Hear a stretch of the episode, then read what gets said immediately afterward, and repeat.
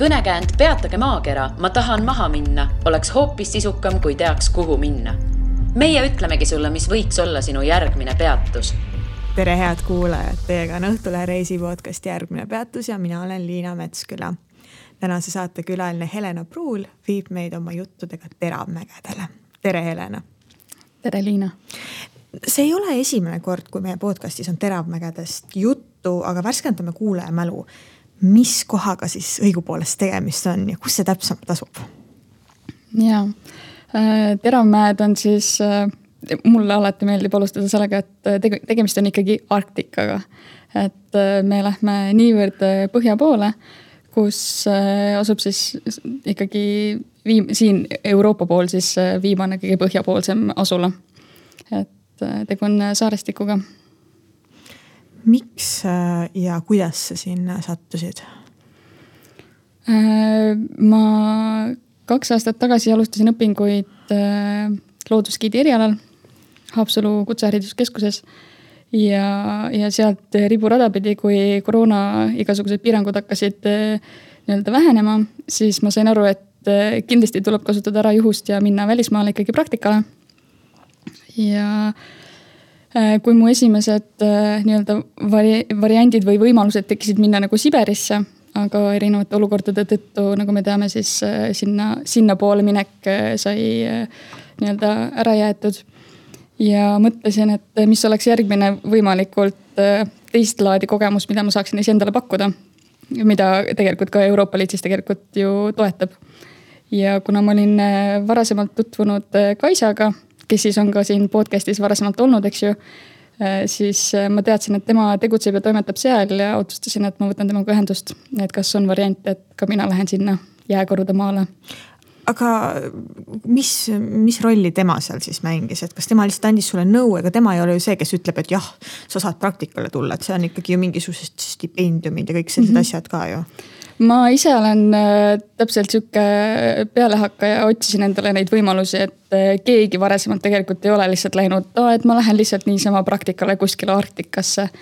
et äh, aga võtsin temaga ühendust, kuna tema töötab seal ühes wilderness nagu et, turismiettevõttes. ja siis võtsin temaga ühendust, et kas on mingisugune variant et ka mina saaksin minna ja teha sinna, minna sinna ja teha seal, mida tema teeb, sest kõik, mis tema seal teeb, on olnud väga inspireeriv ka minu jaoks nagu sa ise ütlesid, et keegi pole väga tulnud sellise, sellise jutuga, et tahaks Arktik-, Arktikasse minna, et ma ise mõtlesin ka, et kui, kui mina kunagi käisin praktikal ülikooli ajal, et siis oli ikkagi populaarne selline Lõuna, Lõuna-Euroopa, et mina ise käisin Hispaanias.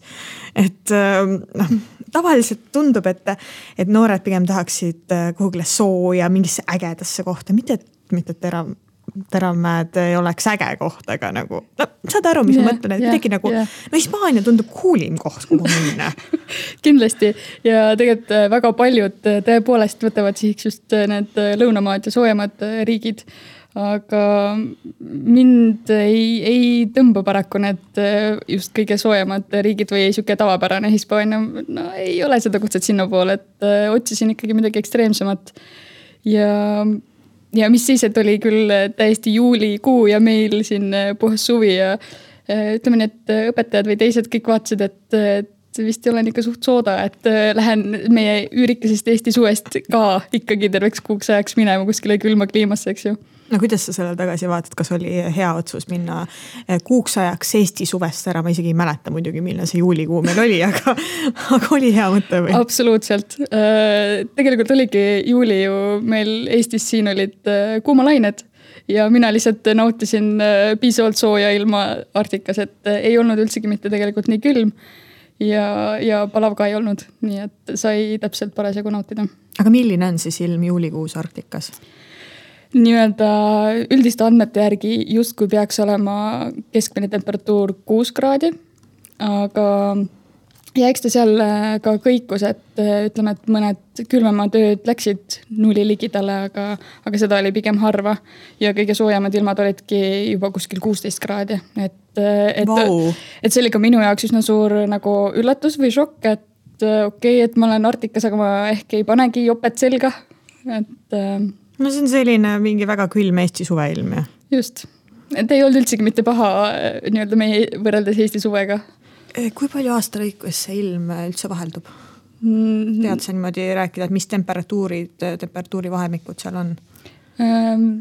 Vot ei oska nagu nii täpselt öelda, et äh, kindlasti Kaisa teab sellest äh, rohkem rääkida. mina mäletan, et Kaisa rääkis sellist asja, et äh, mingite ilmadega, no ju see siis talvel on, voodi jäetus põranda külge ära, et, et see tundub, et sel juhul on nagu väga suured need yeah., need erinevused.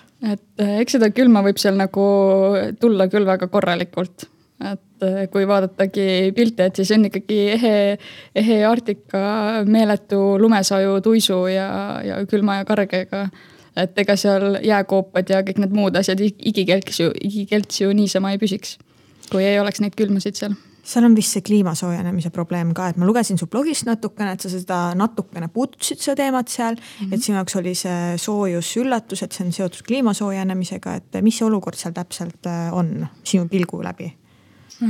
Jah, see oligi minu jaoks selline nii-öelda äratundmine, et, et kui ma esimest korda läksin liustiku peale, siis äh, sisemine laps nagu karjus, et, et jee, et nii lahe, et see on esmakordne kogemus, et ma olen kuskil liustiku peal.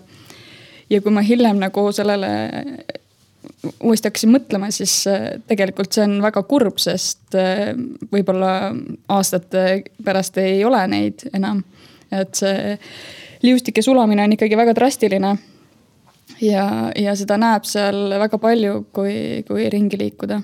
ja, ja kui räägime ka loomadest, siis jääkaru, eks ju, et et see, kuidas kogu see kliima on seal muutumas või taimestik ja loomad peavad oma tavapärasest elust nagu mingeid harjumusi muutma, et see on natuke hirmutav, aga samas see on looduse käik, eks ju, et me ei saa sinna midagi teha, et tead sa, kui palju üldse tegeletakse selle probleemiga just äh, nagu Arktika fookusega, et, et need tõesti need liustikud ei sulaks või see lihtsalt lähebki, et see on nii kaugel inimestest?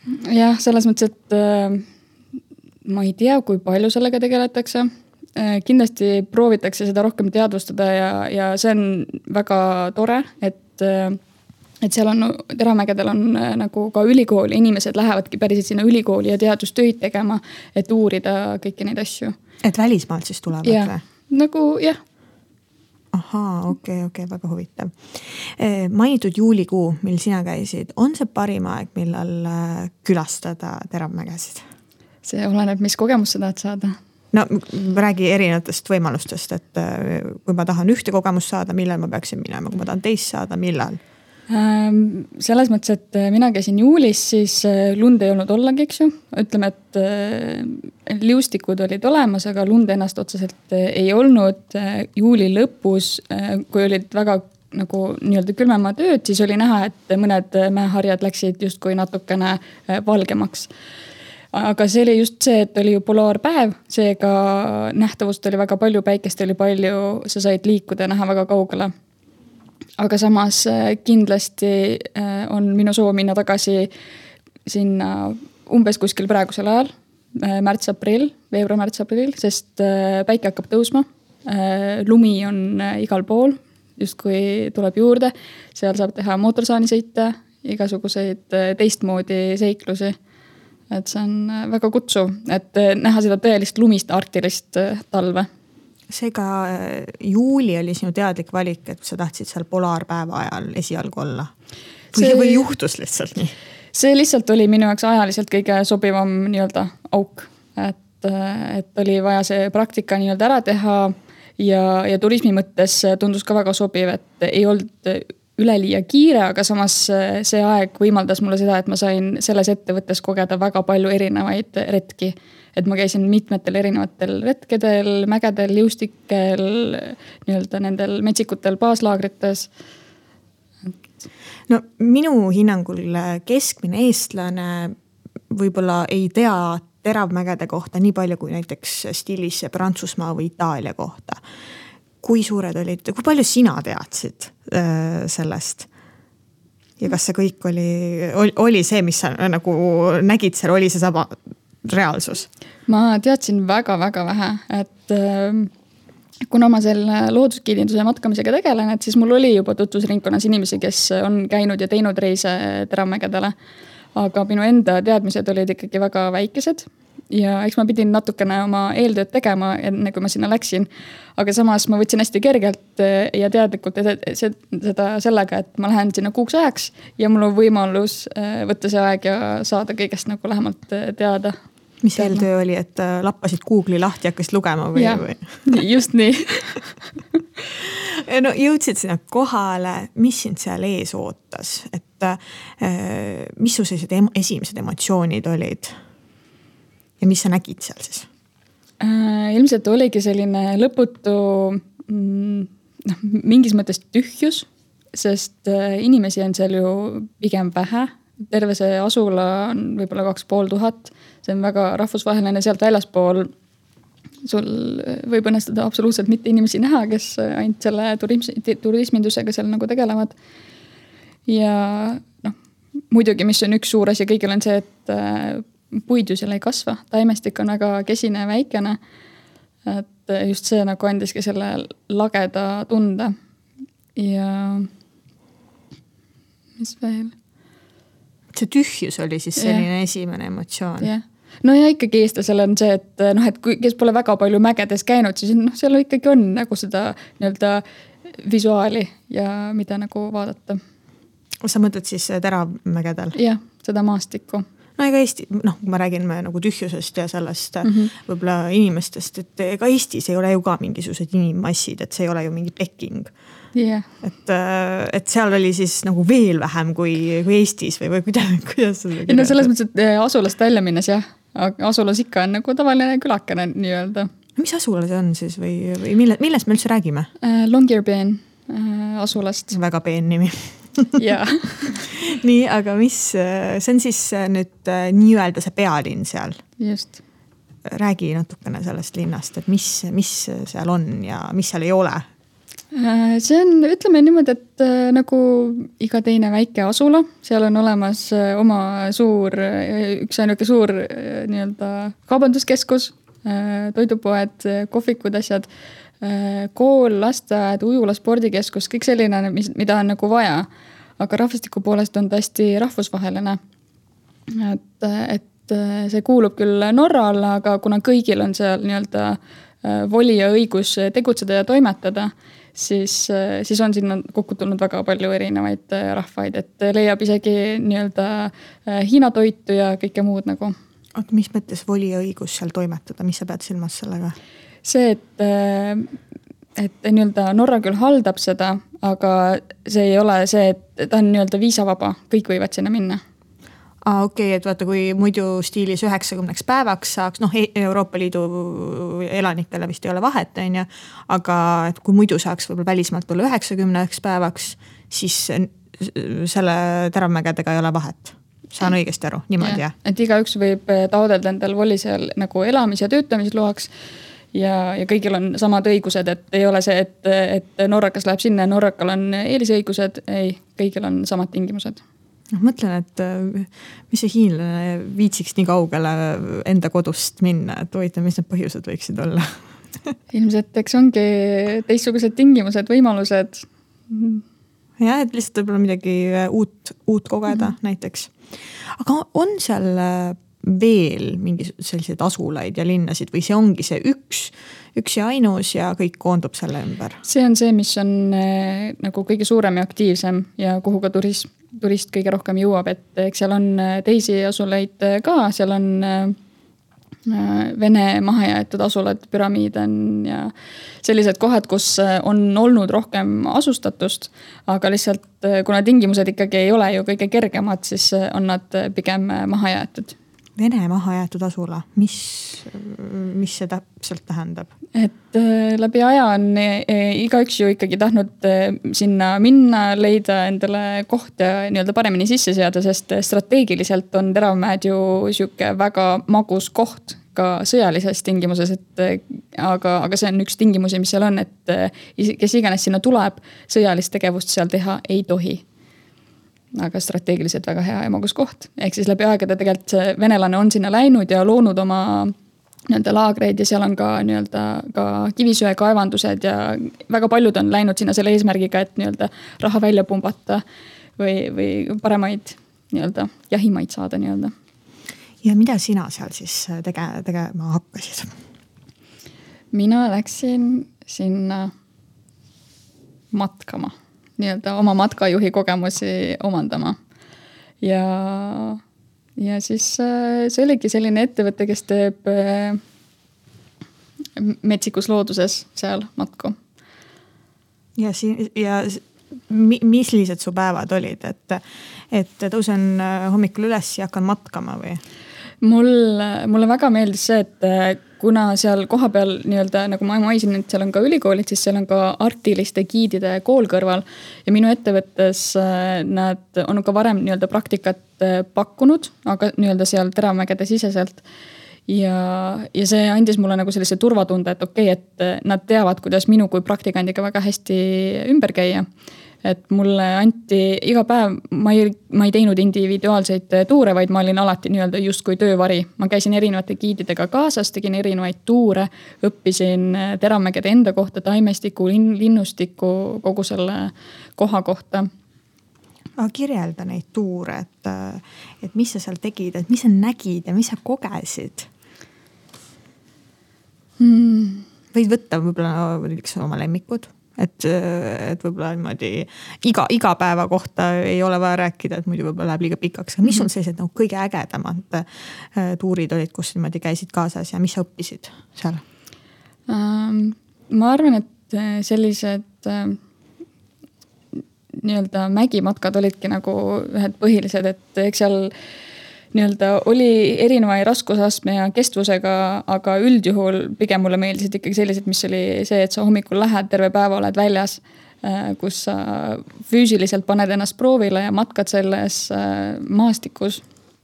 et, äh, et see maastik ei ole seal kerge, mingit jõgede ületamisi, mägedest üles minemist, aga, aga nii-öelda kui seal ei ole taimestikku, siis kogu see nii-öelda pinnas on väga kivine ja, ja mõndades kohtades tegelikult justkui tundub väga eluohtlik, kui sul on lihtsalt lahmakad, lahtised suured kivid ja siis roni nende otsas. Ähm, aga see on selline väga suur justkui eneseületus või, või grupiga koos minnes selline väga tugev kambavaim. ja siis lihtsalt äh, näha seda kõike, sest see on nii teistmoodi mm. -hmm. et see on väga võimas. ja kui sa tuled sealt päevaselt matkalt tagasi, et siis ma kujutan ette, et sa oled nii väsinud, sa lihtsalt vajud voodisse. või see on ka niimoodi, et oo, ma nüüd hakkan mingit äh, seltsielu elama siin, et ma ei tea, kas seal Teramägedel on mingeid äh, ööklubisid. Läks on. ööklubis, on jaa? on, isegi on. käisid või? käisin ka no., et äh, kuidas saab äh, mitte minna, noh, selles mõttes, et, et, et ma ei tundnud, et see on mu eesmärk ja vajadus seal. aga jaa, oli hetki, kus ma ikkagi võtsin selle reede õhtu, läksin vaatasin, et mis siis nii-öelda linna peal toimub, on ju. aga mis siis toimub, et ma mõtlen mõt-, noh, mõtlengi, et kas see on elu äh, täpselt nagu igas teises linnas või on see kuidagi teistmoodi? no ma ütleks, et üsna tavapärane, sest ikkagi see turismivool on seal väga suur ja kes ikkagi seal nädalavahetusel väljas on, on põhiliselt äh, turistid või siis noh, mingi osa ka nii-öelda seal kohalikke, eks ju. aga kohalikud äh, nii-öelda ma ütleks, et võib-olla matkajatest Äh, võib-olla või giididest, et ähm, nad on väga tihe graafik ja, ja siis, kui sul tekib see vaba hetk, siis sa lihtsalt äh, puhkad või teed seda, mis, mis äh, sind seal kõnetab, eks ju, et see. kui sa oled juba läinud ära Teramägedele, kus on, mis on nagunii kuskil kaugele eraldatud äh, ekstreemsetes tingimustes, siis sa ei lähe sinna, et a la iga reede välja minna.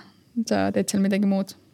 aga see ööelu on siis pigem niimoodi turistile orienteeritud eks ta on äh, kõigile nagu avatud, aga pigem turist jõuab sinna. ja, ja, ja äh, nendel matkadel, millest me siin rääkisime, mis loomadega sa näiteks kohtusid mm? -hmm.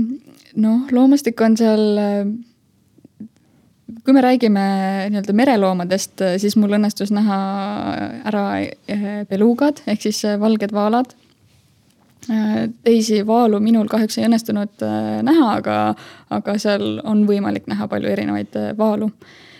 Äh, ma nägin ära jääkaru, mis on väga suur asi nii-öelda. aga kuidas see olukord välja nägi, kuidas sa jääkaru nägid, et mingi äh, jalutad ringi, oh, näed jääkaru siin või mismoodi see kõik oli? see on noh, tegelikult see oli ühe pikema nii-öelda laagriga matk, me läksime kolmeks-neljaks päevaks välja ja tegelikult iga giid nii-öelda noh, peaaegu justkui palvetab, et palun, et ärme näe jääkaru, sellepärast kuna jääkaru on seal muidugi looduskaitsel, eks ju. ta on püha, teda ei, temaga ei, teda ei tohi ohtu panna. aga samas on jääkaru ju inimese jaoks kõige ohtlikum loom üldse. et, et kuidas leida see tasakaal ja õigel hetkel märgata ja osata õigesti tegutseda ma mõtlen, et ma segan korra vahele, et ma eeldan, et turist palvetab, et palun, ma tahaks näha seda jääkara. absoluutselt ja nii ongi. ja, ja see on tegelikult väga suur konflikt, sest äh, giidi poole pealt on ju see, et et me tahame panna inimesele mõistuse pähe, et, et see on ohtlik, et ja, et me mõtleme küll, et, et muidugi me tahame seda jääkaru näha. aga kas sa suudad nagu realistlikuks jääda, et, et ta tegelikult võib tulla sul lihtsalt nii-öelda elu lõpetada, on ju. aga kuidas, äh, kuidas siis teda eemale hoida või või kuidas äh, end kaitsta, kuidas inimene saab end kaitsta seal ähm,? turist või noh, ütleme niimoodi, et asulast välja tohib minna ainult relvaga. sealt ei, sa ei saagi minna üksi loodusesse uitama või linnapiiridest välja, sest see ei ole lubatud.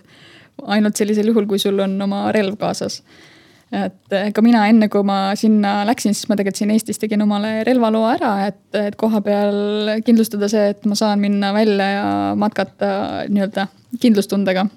ilma relvaloata sa ei, sa ei saagi minna sinna niimoodi giidipraktikale või?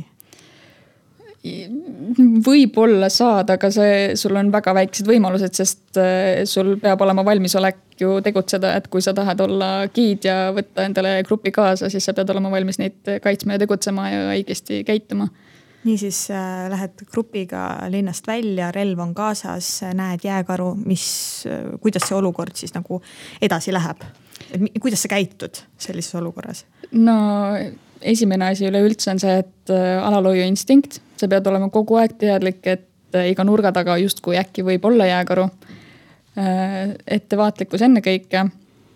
kui kuskil märkad jääkaru, siis tuleb olla väga tähelepanelik ja lihtsalt olukorda jälgida, et, et mis ta teeb, kas tema on nii-öelda sind märganud, kas ta on kõndimas eemale või ta on liikumas sinu poole.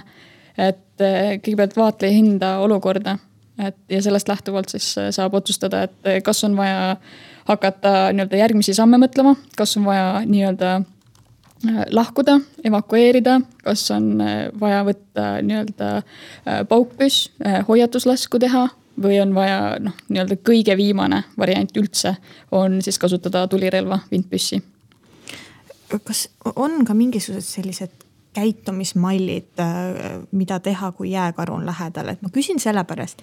mõni aeg tagasi meil oli saates äh, Tansaanias tegutsev giid, kes rääkis, et lõvile näiteks sa ei tohi mingil juhul silma vaadata et äh, ma sellest johtuvalt siis nüüd küsin, et, et on ka jääkarude nägemisel mingisugused sellised asjad, et tõesti ära vaata silma või, või, või käitu veel mingit teistmoodi?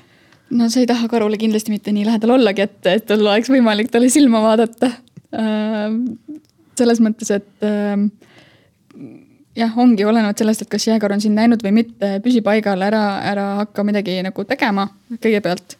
Äh, kui sulle tundub, et olukord on liig-, nagu minemas ohtlikumaks või et jääkaru on võtnud sinule sihi, siis nii-öelda kõigepealt sa peaksid proovima jääkaru ehmatada või nagu hirmutada.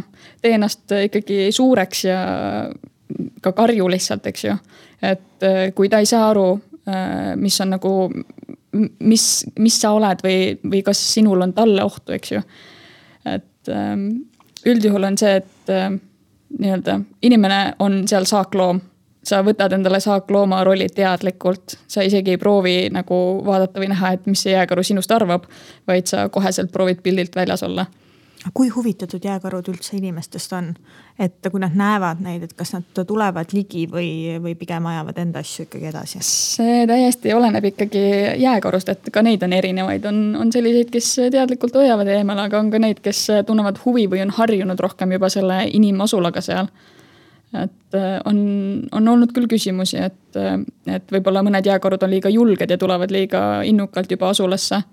aga see on inimestele kindlasti väga ohtlik kuidas üldse see teie jääkorra olukord lahenes, et kas oli vaja hirmutada või ta lihtsalt hajus ise minema?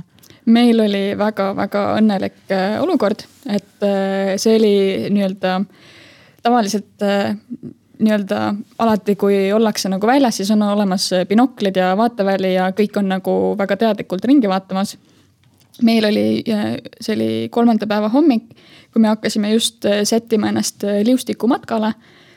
Ja, ja meil oli seal üks klientidest oli tegelikult viiendat või kuuendat kuud rase naine Äh, kes nii-öelda minu enda vaate nagu või arvamuse põhjal nagu on üldse ekstreemne, et, et kui sa ikkagi oled nagu nii kaugel äh, nagu oma rasedusega ja sa tuled nii ekstreemsetesse tingimustesse äh, siis noh, see oli, see oli noh, kuna mina olen. äkki tal lihtsalt oli suur kõht äkki oli tegelikult neli kuud jah, noh, et äh, ei tea, aga nii-öelda minul endal, kuna ma olen ka sünnitoetaja nagu äh, hobi korras, siis minul oli väga suur alalhoiu instinkt, et jah, et ma olen küll giid, aga ma tahan ka seda naist ja seda rasedust nagu toetada ja kindlasti ma ei taha tekitada talle stressiolukorda, eks ju et aga tema oli see siis, kes käis ühel hetkel pissil ja siis tuleb pissilt tagasi, ütleb, et äh, kuulge, et meil on jääkaru siin.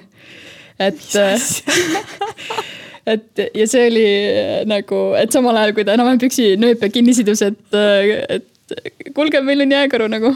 Ähm, aga see oli selline hetk, et jääkaru, sest jääkaru tuli ujudes. me olime üsna ranniku lähedal ja ta tuli ujudes ja siis see naisterahvas ei saanud alguses aru, et noh, et kas tegu on hülgega või mis värk on nagu. Ja siis, kui ta oli nii-öelda veest välja tulnud, siis me kõik nägime, et sealt tuli suur uhke jääkaru suunaga tegelikult eh, justkui sellelt poolsaarelt otse meie poole, mis siis oli kuni kolmsada meetrit, mis on väga väike, sest kui jääkaru otsustab, et ta võtab ja jookseb, siis ta jõuab kiiresti sinuni, eks ju. et meil oli koheselt valmisolek, kliendid me nii-öelda, teised giidid suunasid, et kliendid peavad minema nagu telki, lihtsalt esiteks see, et enda stressilevel hoida maas ja et nemad saaksid nagu selles olukorras vaadelda, et mis ja kuidas edasi tegutseda. Ja, aga õnneks oli see, et jääkaru oli märganud vees hüljest, seega ma ei ole kindel, kas ta meid märkas või mitte, aga tal ei olnud huvi meie vastu selgelt, et tal oli selge see, et tal tegelikult oli saakloom sihil ja tegi väikese tiiru ja suundus tagasi vette ja meil õnnestus järgmised poolteist tundi lihtsalt jälgida seda vaatemängu, kuidas ta vees hülge kinni püüdis. temaga mängis, natuke sõi ja siis nii-öelda oma teed jätkas mis su emotsioonid olid nendel hetkedel, kui, kui see jääkaru sealt veest välja ilmus ja kui ta ei olnud võib-olla veel seda hüljest märganud, et ähm,? Ma olin selles mõttes, et kindlasti väga suur adrenaliini tõus et selles mõttes, et ja minul oli natukene rollisegadus, et ma ei olnud seal nagu kui ametlik giid, ma olin justkui klient ise ka. ma ei saanud võtta mingit vastutavat rolli või tegutseda, aga samas ma olin seal väga teadlikult nagu justkui selles giidimise osas. ja siis ma tundsin seda vastutust, et okei okay,, et mina pean olema ka see vahelüli, kes on nagu teise kahe professionaalse giidi vahel ja klientide vahel aga, ja siis oli seal parasjagu nagu hetkeks okei okay,, et kus on meie vintpüssid, kus on meie ekstra padrunid, kus on nagu kõik asjad nagu. et see ülevaade, kontroll ja samal ajal nagu lugeda, et klienti, et kes on pinges, kes suudab seda olukorda ära nagu handle ida, on ju. et et väga-väga põnev oli, et ma kohati tunnen, et, et ma oleks tahtnud ka lihtsalt seista ja vaadata seda, on ju. aga samas oli see vastutustunne, et ei, et ma pean nagu olukorda kontrollima nagu ja ka nagu kaasa mõtlema aktiivselt, et äh, kuidas, mismoodi me edasised sammud peame tegema. aga kõik tõmbasid telefonid välja ja lükkasid mingi maks Zoom'i peale? jaa, absoluutselt ja see on nagu esim-, noh, nii suur asi, et, et giididele samamoodi, et et me peame nagu kõigepealt olukorda hindama, on ju, et me ei saa võtta seda, et kaamera kätte, minul oli ka oma kaamera, kõik asjad seal, on ju. Aga noh, ma õnneks ei, ei haaranud selle kaamera järgi kohe, et, et pärast saime küll teiste käest, kes pilte tegid nagu materjale. aga noh, tegelikult see ei ole õige käitumine, eks ju. see, sa pead olema noh, selles mõttes, et muidugi on magus saada nagu need pildid kätte. aga ma su jutust äh, juba siin natuke aega tagasi korjasin välja sellise lause, et, et üksi pole lubatud linnast välja minna. Äh, on see siis nüüd nende puhtalt jääkarude pärast äh, või on ka mingisugused muud ohud seal? Sa võid minna üksinda ka, aga siis, kui sul on relv kaasas no ja ilma relvata on ju, et lihtsalt, lihtsalt üks turist, kes sinna läheb mm, -hmm. suure tõenäosusega ta ei ole relvaga on ju. et on seal, on see mingite muude ohtude pärast ka või on või on see jääkaru see põhiline teema? jääkaru on kindlasti see põhiline teema, et, et ütleme, et seal on küll selles mõttes, et kui sa oskad maastikku lugeda, siis sa saad seal hakkama, kui sa oled füüsiliselt heas vormis, sa saad seal hakkama aga, aga sa ikkagi ei lähe kuskile üksinda kaugele uitama, sest äh, jääge aru. aga kas keegi nagu reaalselt saab mind takistada ka või kui ma olen mingi, äh, ma olen megajulge ja mul on ükskõik ja ma ikkagi tahan minna ja seikleja hing ja kõik asjad noh, ja keegi ei seisa ju seal linnapiiril mul ees. ei, no hoiatavad sildid on ees, keegi ei seisa seal ees, aga ma usun, et see kohalik kogukond ja kogu turismisektor on väga valvel. et nii kui keegi kuskil näeb, et keegi võõras kuju ilma relvata kuskil väljaspool on, siis äh, on sellest kohe teada antakse politseile yeah, teada yeah.. et see tavapärane politsei äh, patrullidega lendab kohale, et, et, et ei tohi siin olla. Selline olukord tekib või kuidas? jah, sest äh, ma arvan, noh ütleme, et isegi poliitiliselt mitte keegi ei taha, et selline asi nagu tekiks, et äh, inimene, inimene peab ikka ise väga rumal olema, kui ta midagi sellist ette võtab no ma olen kindel, et selliseid turiste on seal ikkagi olnud ja tuleb, tuleb veel, kes on väga mhm. palju, ma ei tea, kuidas see nimetatakse, lõvijook või, või lõvi, mhm. ah ma ei mäleta. ühesõnaga, et nad on väga-väga sellised. härga täis. just, noh härga täis on ju. et äh, ma usun, et neid, neid olukordi paraku ikkagi tuleb, et noh ehm, jääkarudest äh, tegelikult putukate juurde, kas ei olnud ka selline olukord, et seal, äh, kui lähed linnast välja, siis on mingi massiliselt putukaid? hmm.? ma ei ütleks, et massiliselt sa kirjutasid äh, mingit putuka teemat, mul nagu jäi yeah. su blogist meelde, võib-olla ma mäletan valesti. sest mina noh, ütleme, et äh, see loodus on mind nagu väga-väga paelunud ja, ja siis mul oligi nagu see, et kui see kliima on nii külm, siis noh, putukatel ei ole see väga soositud tingimused. ja kui ma ühel hetkel Äh, noh, nägin seal nii-öelda väga väik-, väikest sorti sääski tuli ette, eks ju, et neid kohtasin. ja kui ma nägin ämblikki, siis mul oli ka, et vau, et see on nagu nii lahe, mingisugune äh, loodusentusiast minus ärkas ellu, et nagu, et see on noh, need tingimused on nii ekstreemsed, aga loodus ikka leiab need väljundid või nagu vormid, äh, kes suudab seal nagu elada nendes tingimustes. ehk siis neid on, neid ei ole palju, aga neid on rohkem, kui sa eeldasid, ma saan aru mm Neid on parasjagu, ma ei saa öelda, et, et neid on üleliia palju, aga see on täpselt see, et ma võib-olla ei mõelnud selle peale nii palju või et ma ei osanud seda oodata. Ja siis oli lihtsalt rõõm seda tõdeda.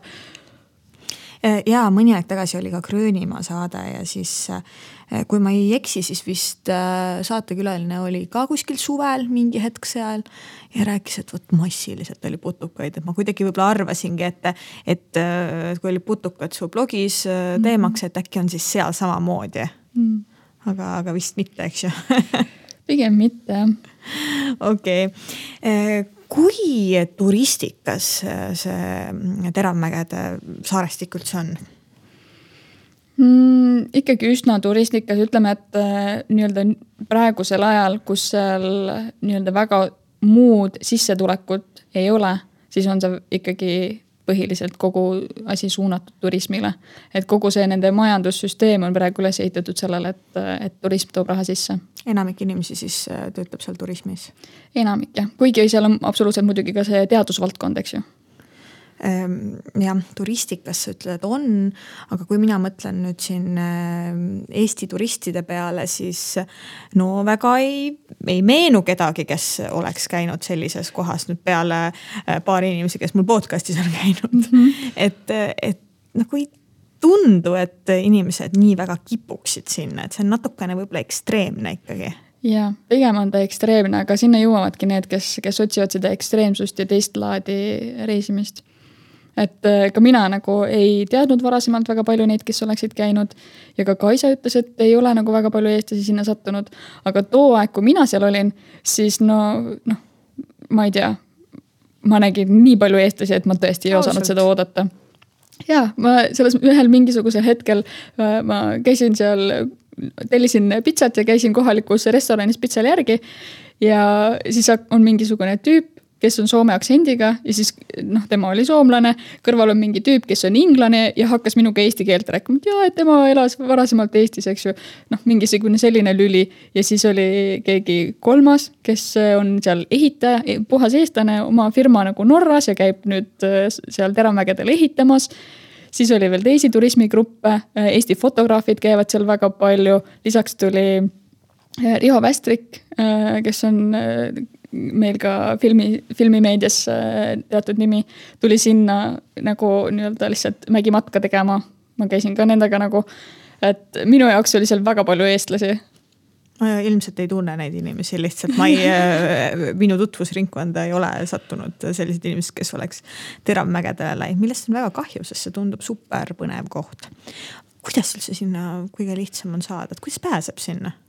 Ikka len-, lennukiga ja läbi Oslo, et äh, Norrast otse, et äh, teist, teist laadi on äh, vähe keerulisem, aga tegelikult lähevad sinna ka Saksamaalt suured-suured kruiisilaevad. et, et siin vahepeal, kui juulikuus Lufthansa streikis ja igasugused lennud olid ära jäetud, siis inimesed jäid tegelikult saarestikule lõksu, sest lennud ei läinud lihtsalt, inimesed ei saanud ära minna aga, ja siis tulid kruiisilaevad appi, et siis kruiisilaevad suudavad mahutada rohkem kui kolm tuhat inimest, et äh, noh, nad ikka meeletult äh, toovad sinna inimesi sisse ja välja nagu. Lufthansa siis lendab sinna või? jah. aa, ma sain sinust algul aru, et ainult äh, Oslost on võimalik lennata. jaa äh,, aga äkki ma ise eksin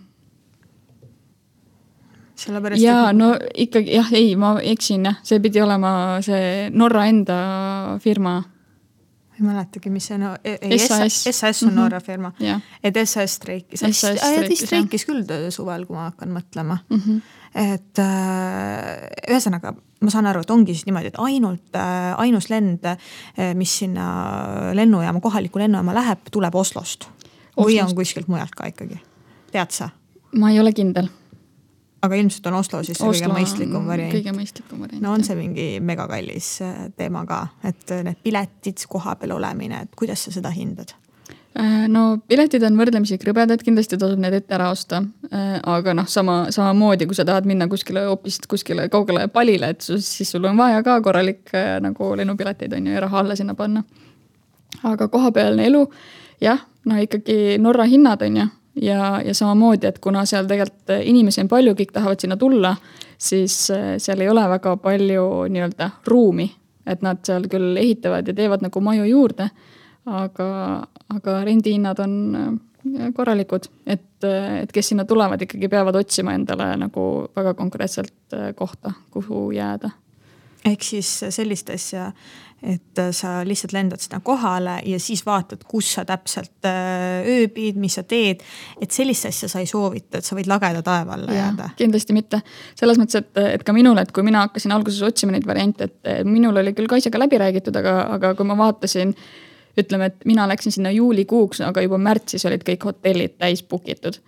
et Äh, üsna, üsna keeruline seis on, et aga noh, sa saad minna ka odavamasse varianti, kui sa võtad endale välitingimusse ja lihtsalt lähed äh, kämpingusse nagu telgiga või võtad oma telgi ja lähed sinna magama nagu.